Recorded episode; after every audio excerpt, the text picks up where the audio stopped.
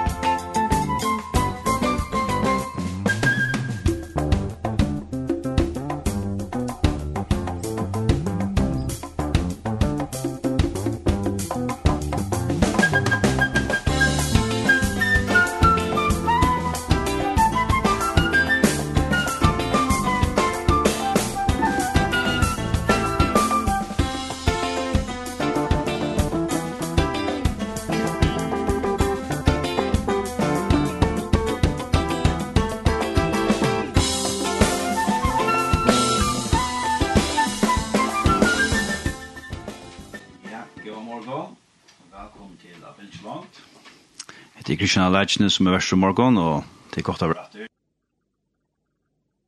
Så god morgen, Alpen og Ryan. Hei.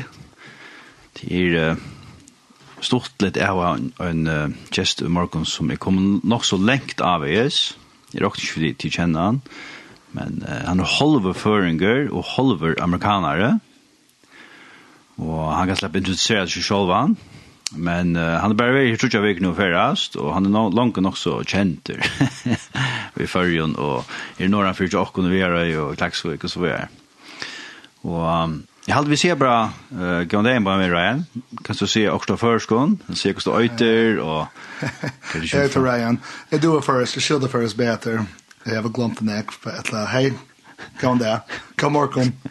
Kan du se, uh, kanskje rett, hver dørst attaver, hver familie du dørst fra, Jo, mamma min är Mellan Rosa Søren Petersen. og um, jeg har en mamma batcha och Vera och såna.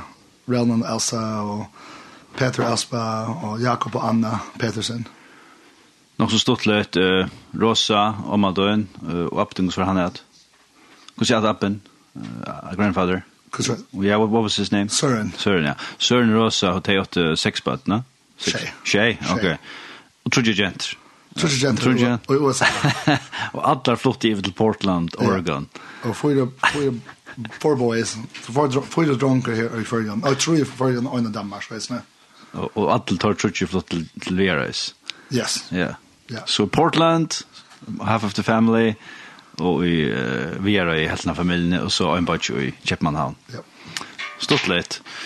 Og jeg og Ryan, vi kjenner oss øyne til uh, vi gikk ikke samme klasse, uh, i tve år han det bor her tvei år, så vi har tjenst alt det, og han er veri her i Jøvne Mittelbillon, og jeg er også veri i Portland, Oregon og Vidjan og NF. Så derfor har vi da tås over Ryan eh, om hans var lov, hans var vittnesbord, og også hvordan det er å være kristen i, i Amerika i det, og, og ser det i Portland det her, nekv imist, hur hentet sørste ærene uh, på imiska matar. Um, So Ryan, maybe uh, you can just uh, talk a little bit about how you came to faith. You to stem us over snacka first at la angst. You can I'll snacka first or angst. So um it was this it were a minister to there. It were Luito. Mamma min var att man tog Luito um läsa läs read the bible. Um so I think I got baptized when I was åtta när jag kom att till USA. I was baptized. Och jag var på test när jag var lite här för ju nice nu. Uh, jag var för ju när jag var fem år till tjej år. Så kanske det 1988. Nu kan 8. 98? Ja, 88. Åttfors. Åttfors. Så 1990. Vi för ju när jag var att till USA.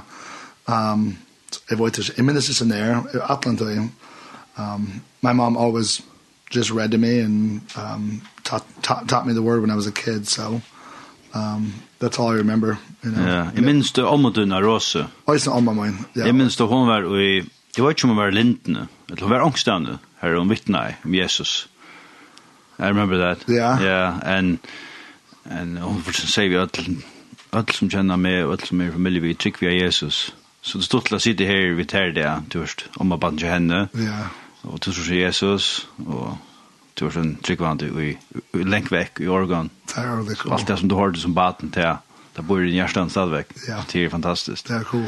Ja. Um, Appedøyn i Oregon, han var nok så viktig med, right? No, han var, yeah, he was yeah. a politician. Yeah. So han var um, nästan fyra år, og han var ordentlig, um, til er, vi tar til governor, or under governor that to pro temp so if um the governor dies upperman's going to governor next um and han känner JFK um JFK har beskriver till upperman nästan och which up han känner så neck folk mm -hmm. uh, before he died so Jag sa en mynd av Abaddon og John F. Kennedy sammen Jo. Ja. Ja. Ja. Så Now, now JFK, before he was president, han kom to Oregon. og han var vi samma, han var vi uh, han var ju uppe mine. Ah, ja. Ganska två där. That's cool. Um, går så minns du till Batnar för ju? How do you remember your childhood years uh, in the Faroes? It was amazing. They were on Tibet there. Um, I made a sov out Altmar och uh, is Island. Yeah. Han var så fett Island. Island dötter i kontrant og Lise. Ja. Yeah. Ja, vi vet Atlanta utanför. Jag minns som det more the kavs som that more when they were loyal to now. Um so uh yeah they were inte bättre nu. Uh det var inte bättre än för Jon. Du kan spela utanför så det så för ju för Jon. Det kan inte för ut att spela i USA som det nu. Um so Ja, det er ikke bedre enn førre. Hvordan er det å komme etter til førre? Er det ikke det vel kjøtter? Ja, no, det er det beste. Nei, det er ikke bedre enn førre. Jeg damer førre så veldig, veldig nek. Og du skal stå i morgen. Du vil tro ikke viker. Det er sin tungt da fra sted etter. Ja, det kommer etter på en vei, jeg håper. Mm. Um, ok, du bor i Portland, og Portland ligger i, oppe i hjørnen av Vestersøyene, Amerika. Og hva skal vi kunne ta seg løsninger om Portland? Hva er det til bort, og hvordan er det å være kristne i Portland? Um, uh, jeg hukte av Wikipedia det er bare sin om uh, Portland, for jeg kan se det i perspektiv, mm -hmm. hver du er nu. Jesus har vi jo sagt, vi skal fære ut i Atlanheimen, we should go into all the world. Så i løtene har godt plasseret til i Portland, til å bo her enn jeg var. Og på nekva matar i Portland et veldig godt sted å være. Det ses it's the, the grøneste sted i Amerika, ångt du er øyne trø, og det er øyne folk som får seg øyne gøy universitetsoppbyggingar. Uh, de har en øyne gøy musikkscene, øyne gøy balkar, ja. og BDU, the domestic, gross domestic product per person, BDU i i, i Portland har vokst ølende jeg fra 2008 til 2012, så til en sted som har vokst ølende jeg. Um, europeisk nys at folk kommer til Portland i 1830 for noen, og ta æren til å bo særlig tver indianere stammer her, men så kom den kvite europeeren her iver og liksom tog spekkel iver. Så det nek, det nek var hent i Portland, og som sier at mulig godt, men det er også nek negativt a lot of bad stuff has happened uh, the last few years og jeg hukte bare etter okay, hva er det Ryan bor? hva bor han? vi sørger til at uh, Rajica til dømes uh, til dømes sendt her i 2012 sier det ble at 24% av av utbyggene i Portland sier at tar ikke høyre til nægra samkom. Det er re re religiously unaffiliated. Så så det kanske det mest oreligiösa bojeren i USA. Det här som går till placera Ryan. Ehm um, LGBT, Rache, Ungkvarvi er det største i Amerika, og uh, folk som er heimleis er det største i Amerika, det er kanskje det største troblodgen som er i Portland i løtene. Jeg minns da, det er var i Portland i 2012, mamma hadde hørt med Downtown. Ja. Altså, for meg var det, wow, altså jeg var i Afrika og Asien så der, ja. men, men jeg ble sånn sjokkeret over, det kortet ned, og minns mamma de var så fet. Hon är tepper bilen hon och hon vill ju köpa teppen till det homeless. Ja. Och vi kallade bara för boy. Jo, hon var här för att röka till homeless och gött. ja. Och det blev ordentligt wow, gripen out. Jo fantastiskt då. Och nu nu vi det var neck more ösna. Ja. Så det nek det nek ring ting här och sälja så uh, corona kanske och att är vi um, George Floyd med myrter så kom alltså rak. Du kan fortälla oss inte om det och responsen har var det så en så George Floyd och och defund the police och allt det. Ja ja okej. Okay. Ska jag säga det nu? Ja. Att du måste göra like, like, du får klara syndrom det är att Big Portland. Ja. Jeg elsker Portland, så rally neck egg, eller nu, du kan to du kan ikke Portland. Vi fikk for kanskje 15 minuter utanför Portland. Um, att if if it have a foreigner come vi jag kommer USA i Portland vi ska ta för Portland more. Uh, there's är såna homeless nu och uh, 2022 uh uh, George Floyd, uh, Black Lives Matter, allt. Um, uh, they were so, uh, they bränner, they burned the buildings down. Oh, it's, they just left everything. And uh, new, they have more homeless folk have a coma. So many people came from around the United States to Portland. Um, they bought the Jikfui. At la, they, uh, Portland's motto, which go, because we have that first motto. Motto, yeah. It's like what the city's, what they say about the city. It's like, keep Portland weird. So um, oh. keep Christianity out of Portland and keep it weird. So the more um, non-Christian you are in Portland, the more popular you usually are. Okej, okay, um, så jag måste ju i Portland är att halt Portland löje och Portland är lukka som en sån tillträckningskraft för folk som har en sån eh Sinde Leisan, Hukkbor til Løyve og, og et her. Uh, talking about this psychedelic culture. Yeah. Portland has been like the yeah, image yeah. of that. Det er som er knytt til LSD. Sodom, Sodom and Gomorrah. Yeah. Uh, knytt til omkvar som har til uh, stoffer og. And they also legalized like heroin, right? Heroin and meth, yeah. which are two of the worst drugs you can do. Yeah. Yeah, they're, they're, they're, um, they're not legal, but they are almost, they're, you don't get in trouble. Mhm. -hmm. You don't go to jail. Så det är så näck folk nu. Du kan köra till Portland och till sig toucha folk tacka heroin samman. Um, och ja, tents. Det är kanske, jag säger 15 folk nu big for i Portland. Det är homeless. Kanske more. Um, och Iceland to finna pengar from government. Um, så so they, they don't need to work. They tog much arbete. They finns pengar.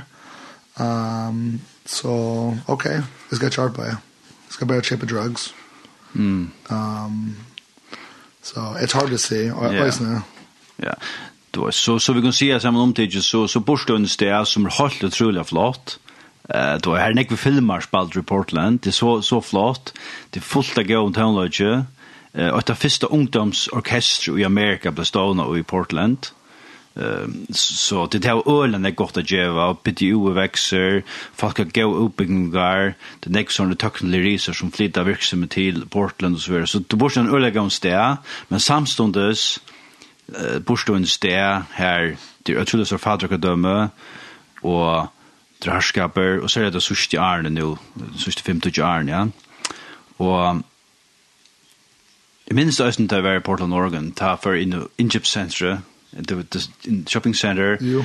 Og jeg sa mynden av ødelen bøttene som var disappeared, som var i Horven. Ja.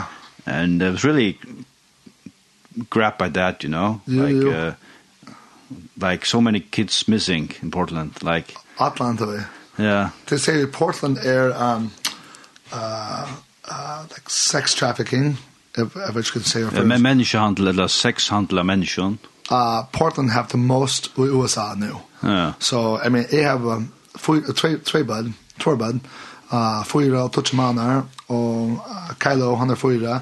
Han kan inte färra ut och börja spela. You know, du kan inte säga, oh yeah, if jag är ute och spelar vi vinner inte mer. och USA, han kan inte göra det. Um, så so, det är Wow. So to, uh, you have like mixed emotions, right? Living there. Han är bland det känslor av Yeah, Ja, ja. Du kommer där on ju och han kan färra ut och spela. Ja. Han tror problem. Vi tror Vera så han just bara there. Wow. Um, nu för att det USA och han kan inte färra ut mer. Så, mm. I mean. Wow. Yeah, so. Yeah. Yeah, it's it's crazy yeah. right now in America. Yeah. It's a golf by now. Yeah. But Portland there, it's it's a golf. Yeah. So, Martin first after Portland, og jeg husker Gus røkker tusen kristen ut til folk i Portland. How do you see yourself reaching out to people in Portland? What, what, what do you feel God has put on your heart? hvordan føler du uh, et god lekterier som røkker ut til folk i Portland? Um, jeg, vet, jeg, jeg sier hei til alle i Portland. Det gjør han som vi med. If you er... Um, you know, black or white or brown, um, girl or boy, old, young um there there I say hi to everybody um uh, og homeless oisne er at det var oiter uh, Lloyd Center det var i Portland downtown hvor jeg and they were really neck uh, homeless to come in at and so and um I mean it would shape a math or if the tester chip back the jack guys na um uh at the next twin better a lot of people, I should say the first one, a lot of people like to be on drugs though. Just pretty quick. Nick fucked on väl över på stoffer. Four years to homeless or why? Four years to homeless. Uh, I don't that well. Uh, it's a lifestyle for them and new there cinder popular in Portland to it's switch a pain car to art boy yeah? but you compare to drugs so mm. um so it's kind of sad um but you know if you talk to these people though too they are very uh they have something missing. God's missing in their life too. And, uh, you know, I always try to say, anytime I say goodbye to somebody, I just say, God bless you. Um, you know, if that's mm -hmm. the one impact I leave on them, I just say, God bless you. And I don't know, I think, kom, när jag kom out till det förr, you know, för en gänklig klacksväg, att säga, hi, hej, hej, hej. Och i USA, inte folk snackar, du vet inte, in to a bonus och say, hi, inte folk snackar, they're just, they're just looking at the ground. Mm Um, it's a very weird culture now. Mm -hmm. Um, don't make eye contact with people. Everyone just, it's like there's, there, yeah. Heldur du heter okkur som ser mest for Portland, this particularly true for Portland. I mean, America's a really big uh, yeah, country. That, I, I've been to other places that doesn't seem that affected by. No, in Portland, er, yeah. Portland og Seattle nu. Så Seattle er bunt piver Portland uh, Washington. Så kanskje två två timmar. Um, have become very evil places. It's like, um, it say the Atlant, og jeg vet ikke hva det er øyne først, men jeg sier Salem og Gomorra. Salem og Gomorra. It's vet ikke hva det er mm -hmm. yeah. Um, it's like we just, I live in a very evil place, and Atlant og say sier Christian, the tror jeg må come after det big for før om, um, at the, if vet ikke if hver Jesus skal have med meg, jeg present til, like am I supposed to be in the Portland right now? og er I supposed to come after the før Jon. Så jeg tror jeg må høre til at komme etter det før Um, but kanskje det er ikke, that's not God's plan for me, point, point now. Um, so, it vet ikke. Mm. But it, it, I love Portland, oisna Um, but, um, oh yeah, potia vi snakker om Poltia, oisna They've, uh, they've taken away our police. So we have a next, nästan anka potia at there So new, it's like the wild, wild west. You can get away with almost anything in Portland now. Um, so, mm. yeah. Og, og hvis du sier du er kristen, hvordan reagerer folk til det? How do people react to Christianity if you say you're a Christian? Um, yeah, it's a golf. I mean, there's, I mean, there's more bars and there's, you know, 10 times more bars than there are churches. Um, or, I mean, LGBTQ, which could be right there for us going. Mm. um, and, you know, being a Christian, and I'm going to say this, it's like conscious here, it's going for me, but being a Christian in Portland, um, you know, we have a huge um, gay and lesbian community. And I'm not one to judge anybody, so I always try to be compassionate towards those people too because you never know what's going on in their mind too. And I know a lot of people from the from that community and then we just have a lot of other kind of communities that I, I I would say are kind of lost right now, but I do think that they need Jesus in their life too. So I tend to like always um I I go towards those people instead of going away. I think a lot of people if you're a Christian, you just say I don't want to be around those people. And uh I I do think that's the opposite. I think as Christians we need to be around those people more.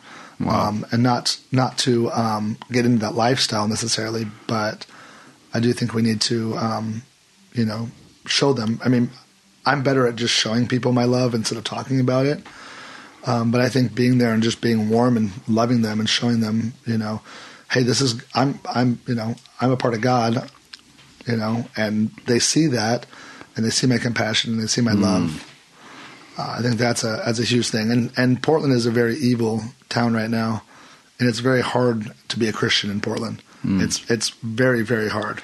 And there's times when maybe I don't say something because you know, there's this mentality after the whole um you know, uh, we had a lot of riots in Portland after the George Floyd thing. And uh not to get into that too much because that was there's lots of sides of that too uh, you could say, but um You know, if you would have gone downtown and said I was a Christian when that was going on, I mean, the first two days they burned down half the buildings in downtown Portland or broke all the windows.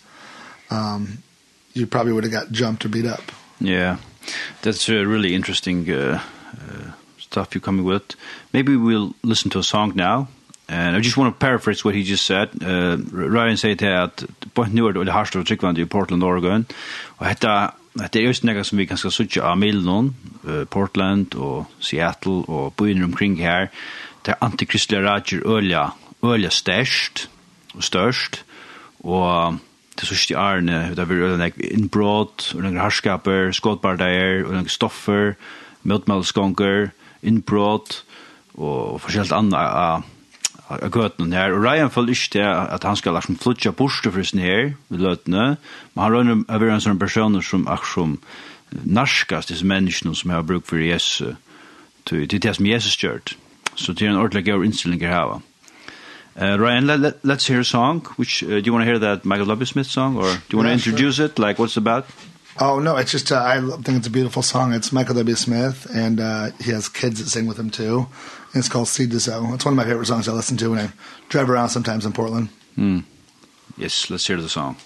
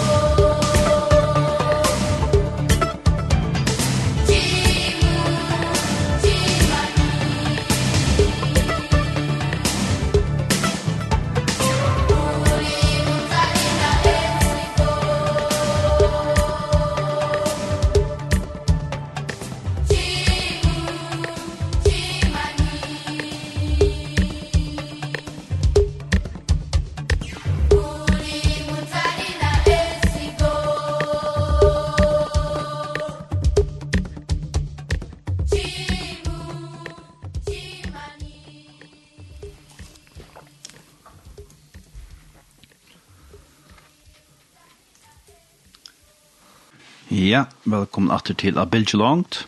Her hørte vi et Michael W. Smith vi sanns noen Sow the Seed. See the Sow. See the Sow, ok. I didn't listen very carefully. there. Takk for det. Slå sånn av et sanns Takk for det. Så vi har Ryan Sean Groner, uh, halver amerikaner og halver føringer studio der. Han er nødvendig vi er, han er gifte vi Kirsten og Theo, ja. Tvor Little Ranger. Kylo og Zeus. Zeus og Zeus. Zeus. Ja, du kan si det for oss, yeah. Zeus. Og Ryan bor i et skifte i førren da han tar han yngre. Han er uh, Appa og Åmesson Råse og Søren Pedersen i Klagsvøk, hvis de kjenner teg. Så han har en ekva familie førren, og vi da tar seg synder om hans her ungdom, battendom, og øyne til at flytte ivet til, or, til Oregon, til Portland. Og hva er det som er kjenner Portland, og i det eller nek go ting, men også nek, kan man si, syrkelig ting. Da tås om hvordan han som kristen eh, røyner er røkke ut til folk i Portland. Og alt som han nevnte, det var hetta at Sjalt om det nek godløse som vekser nå, og antikristelige radio i Portland er holdt utrolig størst. Pastorea nek var matar, og heim, heimløse vekser, um, og det å være kristen er ikke så populært, og den ekkur med på innan, og så går jeg det, og det er utsikt sted for bøt, så føler jeg hans drittnan til falskje, han er ikke borte fra dem, men man føler seg drittnan til det, og heita vekk meg sin hukse om Johannes kapittel 4, her, her vil høyre hvordan Jesus spør seg at, Og jeg husker tre noen paralleller til det, og kanskje spør deg hvordan vi kunne bruke Johannes kapittel 4, og i akkurat løyve beg her i og i Portland. Uh, I hans kapitel 4 hører vi om en en samverske kvinne, og det som er så utrolig flott og størst vis er beratningen om tid til, er at samverje byggvar tar vare en sånn blanda rasa av jødun og fremmeda folk. Det var så løys ta i uh, folk i Samaria for utleggt til Babylon. uh, ta til Syria, men ja, eller Syria, så, så ble vi ærer uh, folkagrupper flottar til Samaria for det som man tenker seg av landen. Og hette folket, fremda folket, ble så blanda vi jødene. Så hette var sånn eurøyn rasa. Og jødene sa at disse folkene er eurøyn, og tar veldig ikke hava vi samverjar a gjera. Til omstender i Johannes kapitel 4, vers 9, uh, til jøder koma ikkje saman vi samverjar. Så Så heter jøter som halda seg vera, og tar vel ikkje av neka kjeve samverger. Men hva gjør Jesus? Jo, Jesus gjør det med oss. Det stender i kapitel 3, nei, vers 3, Ta for Jesus ur Judea og føra sted at til Galilea. Han måtte ta fær i Jøkken Samaria. Så Jesus fær her sore fra og skal nå til Galilea. Men han fær direkt i Jøkken Samaria. Er jøter at gynnskjønnen om. Tra vil ikke ha ega vi Samaria gjør. Men hva gjør Jesus? Han fer ui djøknun Samaria. Og det er utrolig inspirerende for okkon a suttja at Jesus fer til Samaria. Det religiøse falskene fer ikke til Samaria. Det var ikke tegna, de skulle bare haldas innanfor samkomme horanar og så Vi geng ikke slik stå og så da. Men Jesus gjør jo opp vi sosiale normaner hans av døvån. Og han var ikke avmarskar av mentnarlion, jeg synes, ætliten på andre matene. Men han fer her som følelsene har bruk for honom. Akkurat som Ryan går fra, at han føler seg drittene til følelsene her, som, som standa Jesu møter og ikke er godlig. Og reaksjonen til seg kvinne, ja, han møter henne når kvinne, det stender, så kom han til boi i Samaria, som heter Sikar. Her var Brunner Jakobs. Jesus som er mora feriene satt nå vid brunnen, det var omsatt satta tøyman. Ta kom kvinna ur Samaria etter vattnet. Det er en sant og suttjende brattningen, du her en kvinna, og etter omsatt satta tøyman. Og vanligvis sikst at kvinna fyrir ut tverfrom dagen, av måttene om kvalte. Det er sier, men her sitter en kvinna omsatt satta tøyman, og middag. Og kvui, allar allar helst hon haft skom med löven hon kanske hon flowsly av sin rykte du det ständer sjutton i kapitlen hon har fem män och och alla ser forholdene og känner hon har kiksa, och nu lever hon som samma vi en man som inte händer med av. Hun snødde seg kanskje brunnen, om satt tömmen tøymen mitt i så önskar sødjan. Men är det här Jesus? Jesus är för när möta henne, Så det er utrolig inspirerende. For det første, for Jesus her, som det religiøse ikke færre, han tåser vi en kvinne, det stender 17 kapitlen at lærersvennen er undreist av at han taler ikke ved kvind.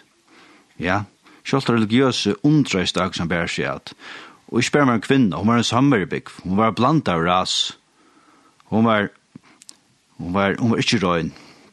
Og hon hei en av Iva samme bakgrund, og hon hei liva synda synd av og livde nu i synd. Så her fer Jesus. Um,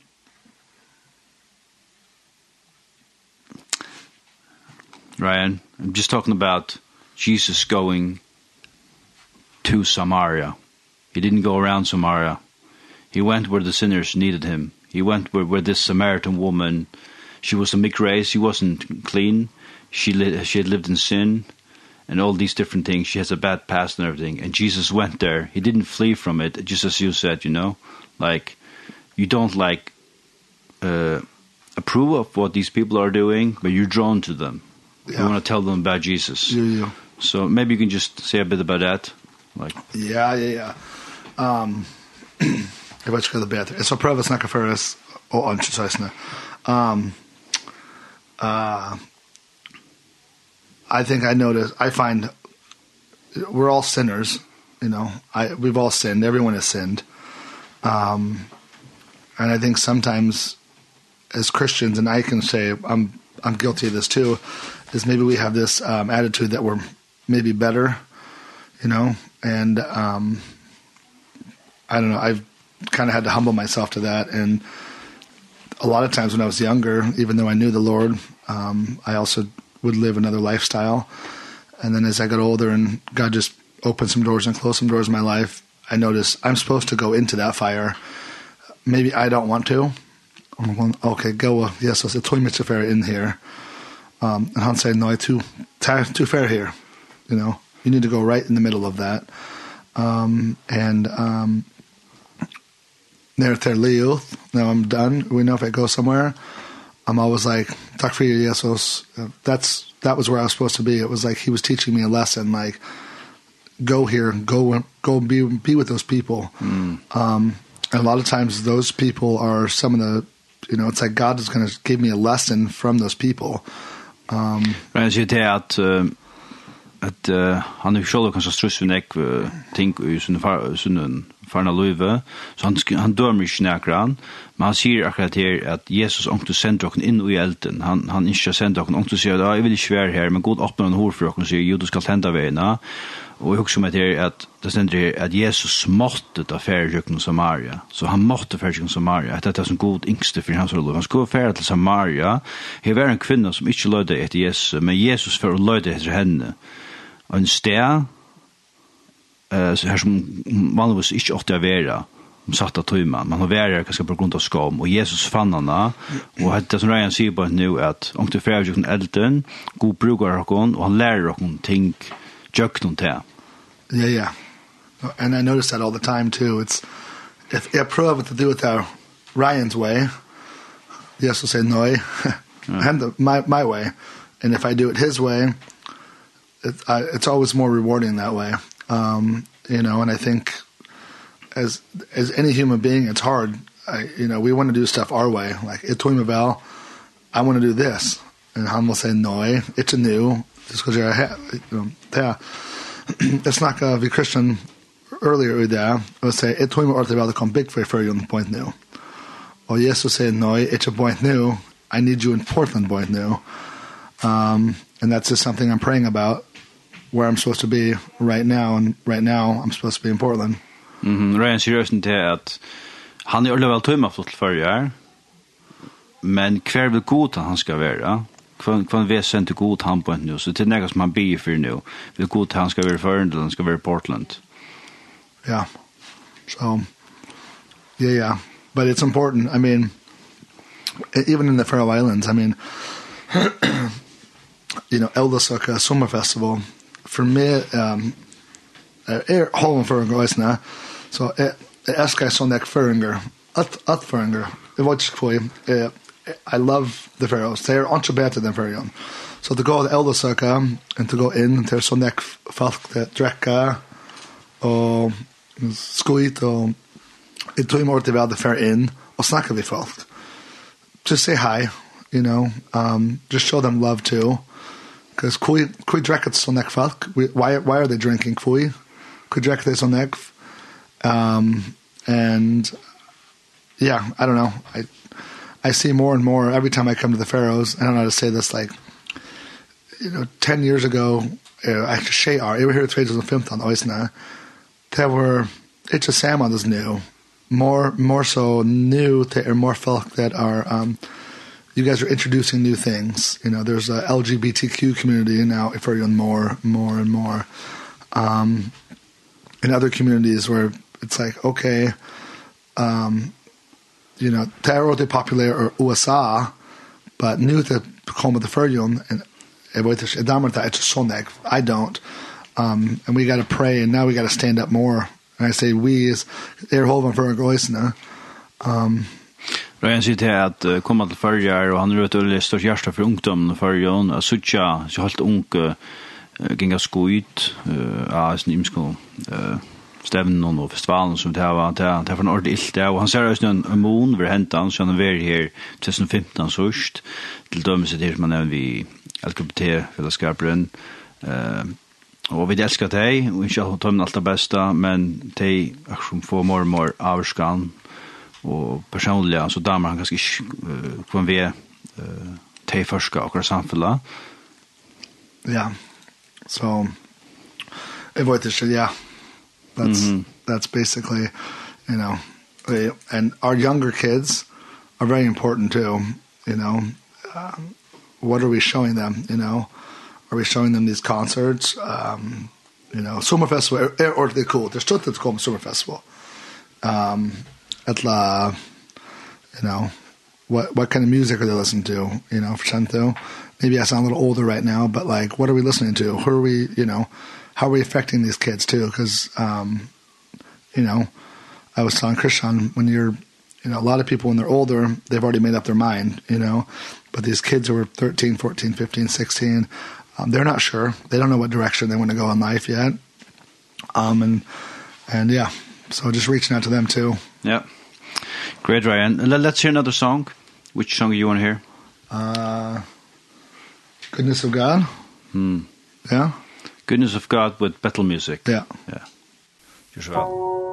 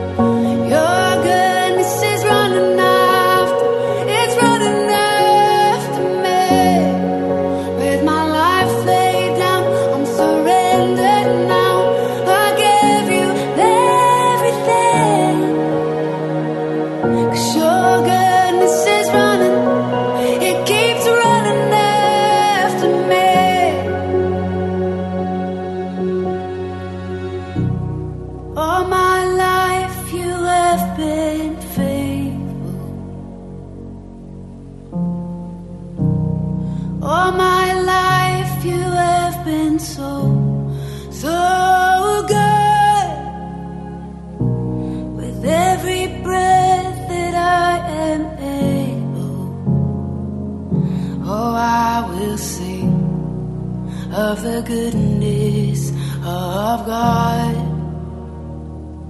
Oh I will sing of the goodness of God.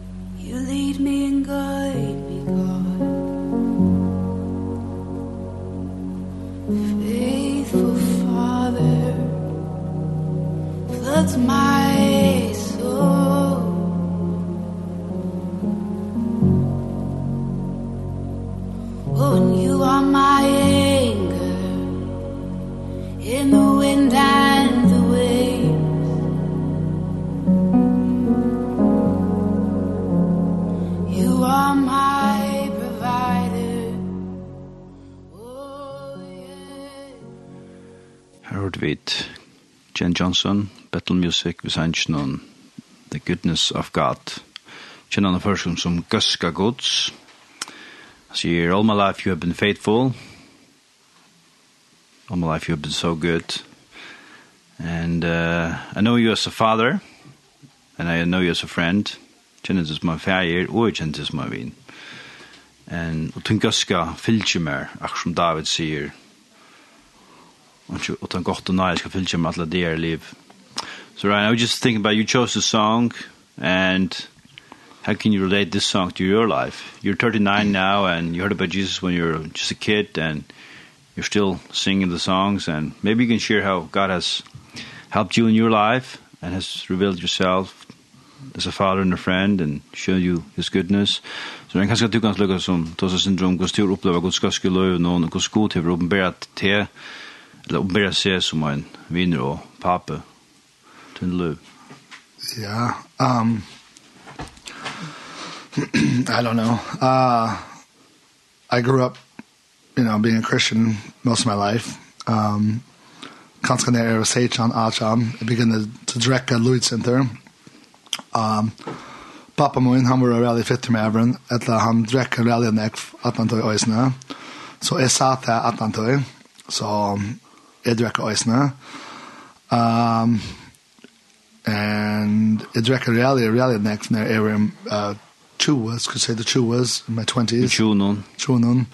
Um, and uh, I did many, you know, looking back, I can say I did a lot of very stupid things in my life that, you know, I can say I wish I didn't do. do. Um, but um, God was always there for me anyway.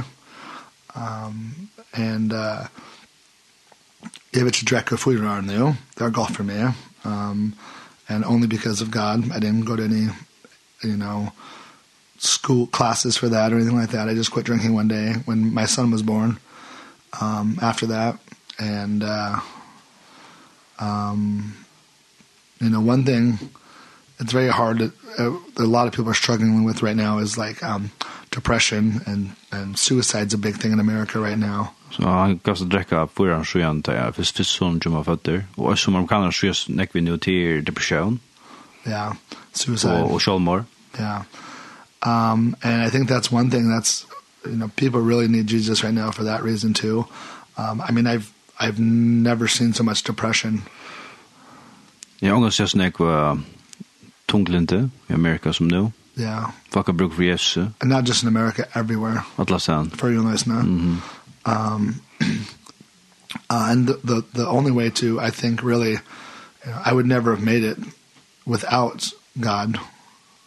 Um, because, you know, the thing for me was I had to just go back and say, I made mistakes with many people, and, and I would go back and I would call these people and say, hey, um, Krishan, Etla, whoever, I'm Shulta I'm sorry I said that. I'm sorry I did that to you. Han sier at han er alltid klaret utan Jesus, tjukken sitt løy, og Og han ringt til nek mennesker og sagt, omkyldig gjør det hetta, neknar seg, omkyldig gjør det hetta. But the, but the weight, the weight, you know, people hold so much weight on their shoulders sometimes, and I think that's why we, this depression, they're afraid to talk to anybody, they're afraid to tell anybody anything, um, you know. Allt folk er så, so the mer det at du vil så bench for å fortelle, og døy dere birar vi for nøyren. And there's only one person we need to tell, and that's God. Det er en person som vi tar ordentlig bruk for å fortelle det for god. Because he died on the cross for us. Den dör krossen för ok. And that's that's all and that's all you need and I will tell you from from my from my testimony and from what I've gone through in my life, you know, um and every time I just turn something over to to God, um I feel this weight just come off my shoulders. Ja, og kan vitna til at jeg føler at hver er en tjiv års til god, så føler jeg at akkurat biran latnar er utsen som er. Yeah, and we all we all have sinned and fall short of the glory of God, so og it's we, not. So it's sin of the stor goods. Yeah. So I mean, letting go of some of that stuff too. If you're holding on to stuff, don't just hold on to that stuff. Let that go. And I mean, if it if it's easier to talk to, you know, Krishan or or somebody else at Bethesda or somebody else, you know, whoever you need to talk to, if you're holding on to something inside, you need to get it out. Get it out. Don't hold on to that. Don't let that become more and more pain for you. Så ber han att tunga ber tosa så vi ankran tosa först främst vi först främst vi god eller tosa vi ankran tryckan som du känner då elda vi någon jag tror det synd och lät berna färra. Yeah. And also if you're somebody that's um maybe on the other side and you uh you love the Lord and you already have that if you see people struggling um reach out to them talk to them ask them if they're okay. Jag syns det og tryggvande och särskilt några som ströjs. Färs och ytlig vigmond spyr, hur hävdar du att kan hjälpa? and those are with the be for there yeah because there's too much depression and um you know and in the bible too you the, the we're getting closer to the end and i truly believe that Og jeg tykker jeg vidt norskast enda tøyne. Um but we need to be there for each other as Christians for brothers as brothers and sisters, you know, because there are going to be lost, you know, Faroese first, but we're going to have lost sheep, you know, mm. and we need to bring our sheep back. We need to be shepherds. Det är bort vill du säga och vi må samla den bort vill du. När Jesus you att. Yeah. And so I think it's very important, you know, to to be there for each other towards these times cuz um I don't think that it's going to get better and I don't. I do think there's going to be more. And if you if you know the Bible, times are going to get harder for Christians as we go. Mm. And um Men Bibeln säger ju att det ska komma torrt för att höra så stödövon och tryck för det. Yeah. So um but it's okay. We win in the end Så det är nog du vet vi vet att vi vinner till sist. Ja. Ja. Det är så fantastiskt. Spela fotboll with gold gold soccer balls. Mhm. Mm I himlen. Så vi får spela fotboll vid guldbollen i himlen. Ja. Yeah. Yeah. But that's my yeah, that's my testimony is just you know, give everything to Jesus because that's that is the only way um we can try to do it our ways and I've tried many times in my life to do things my way. Ja, så han sitter annars i Lorsland och ens verben till att göra det på Jesu mata, till att göra allt livet till Jesus. Det han ofta prövar just på sin egna mata och det det gärs. No, tar det. He'll, he'll put me in my place. Yeah. Say, nope, Ryan, you need to do this. Mm. And uh, every time it, it's, it's the right thing. So, wow. yeah. Mm. Amazing testimony. Uh, Ryan, let's hear this song uh, that you chose. You, you, I am who you say I am. Yeah. Yeah. Um, the, let's talk about the lyrics. Det er noe som åren i hesten sannsyn at nå, vi har spittet spalten.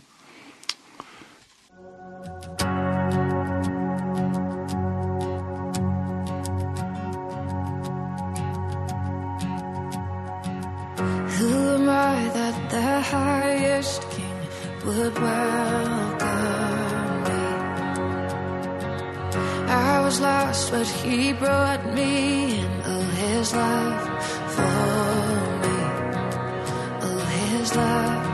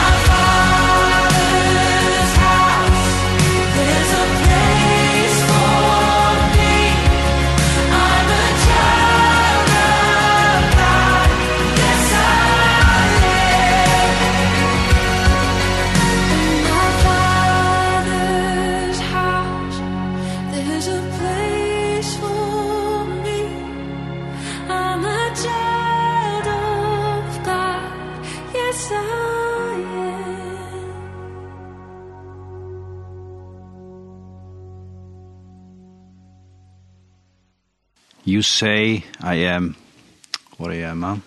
Så lukka mig ikke andre mennesker sier, og hva Idlemar sier, så er vi til som Jesus sier der. Og Ryan valgte denne sannsjen, og han teller til åkne ødel, ofte lort etter noen. Uh, men Ryan, can you just say why, why you chose this song? What, what does it mean to you? Vi valgte denne sannsjen, kapturen for til? I mean, I know God That's that's a good question. I don't know. I just I love the lyrics of that song. Um uh and also the one by Jen jo Johnson, uh Goodness of God too. Um I don't know, they're just encouragement for me.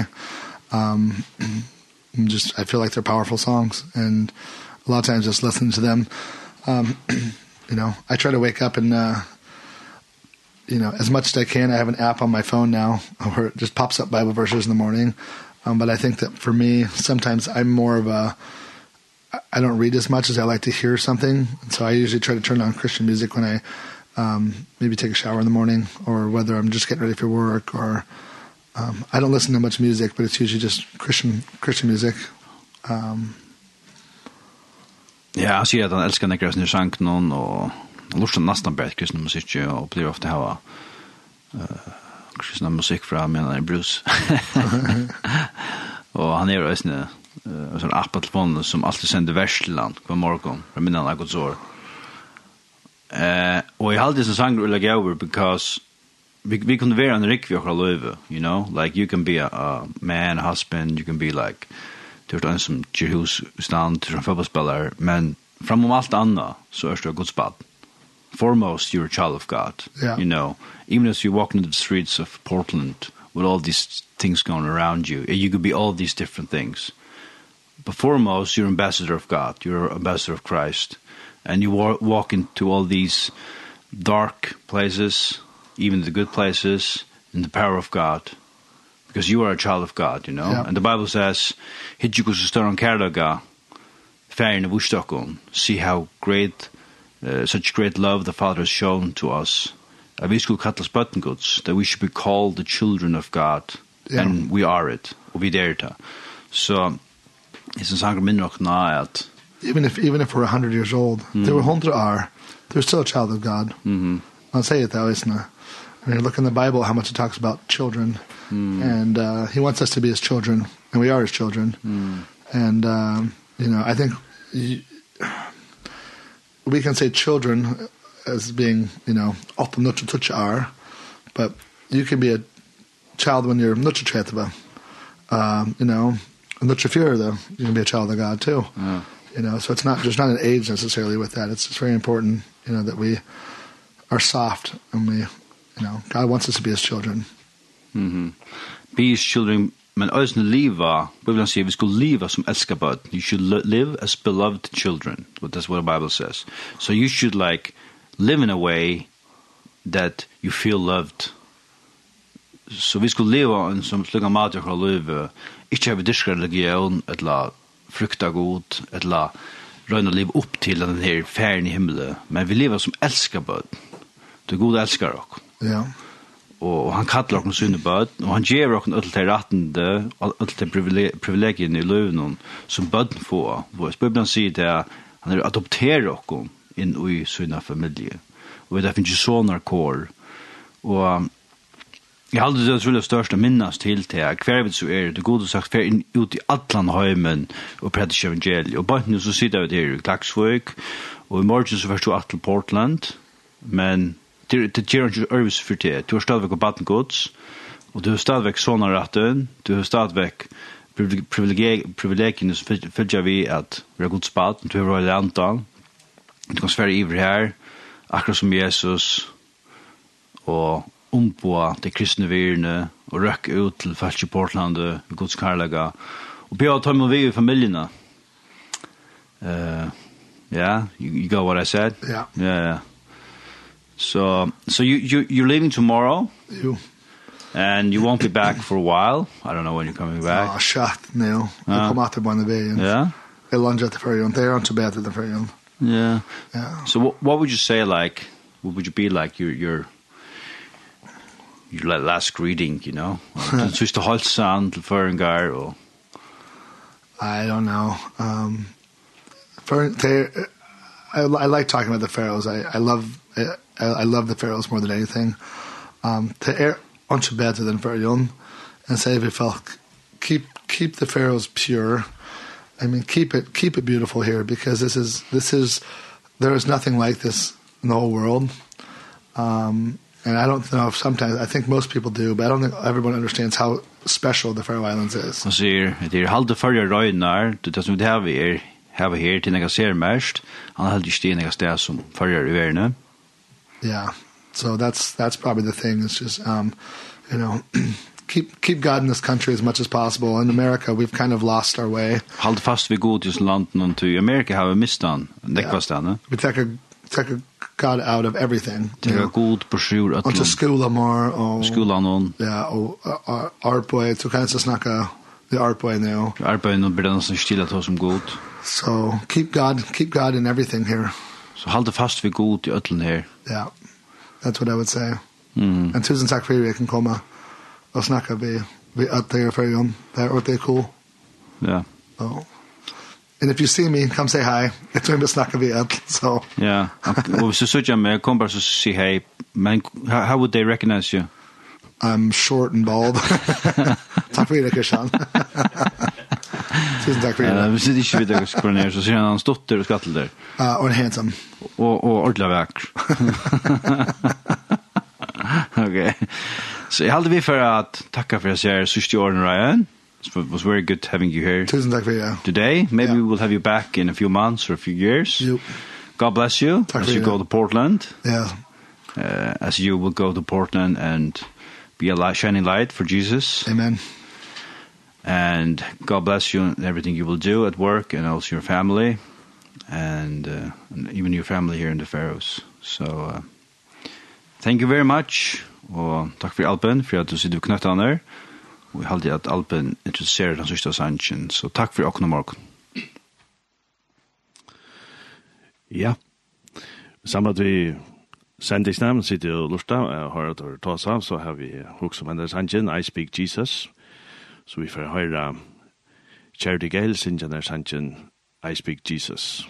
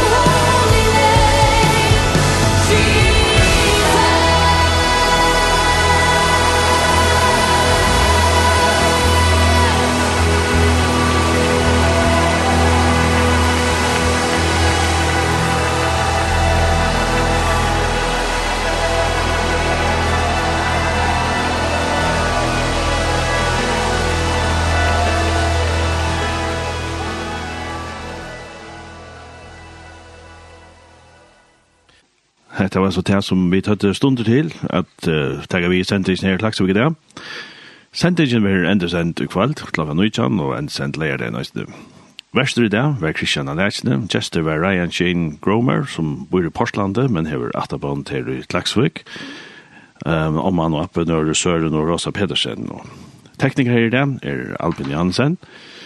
Vi fer her fra Linten i Klaksvik at uh, framhaldande at ikke til kunne og en gøyvande til kunne kunne til kunne skranna seg lintene av heimasynet, uh, www.linden.fo, her synes jeg det er skranna for det ene der, nå etter etterfølgende. Her hender sendingen Leo, så vil det blant her tøvnløkker som er skranne Som sagt, ikke at så jeg må skranna lintene, så er skrein tøk av teltene. Vi vet ikke at du kunne gjøre det, og takk for det her i dag.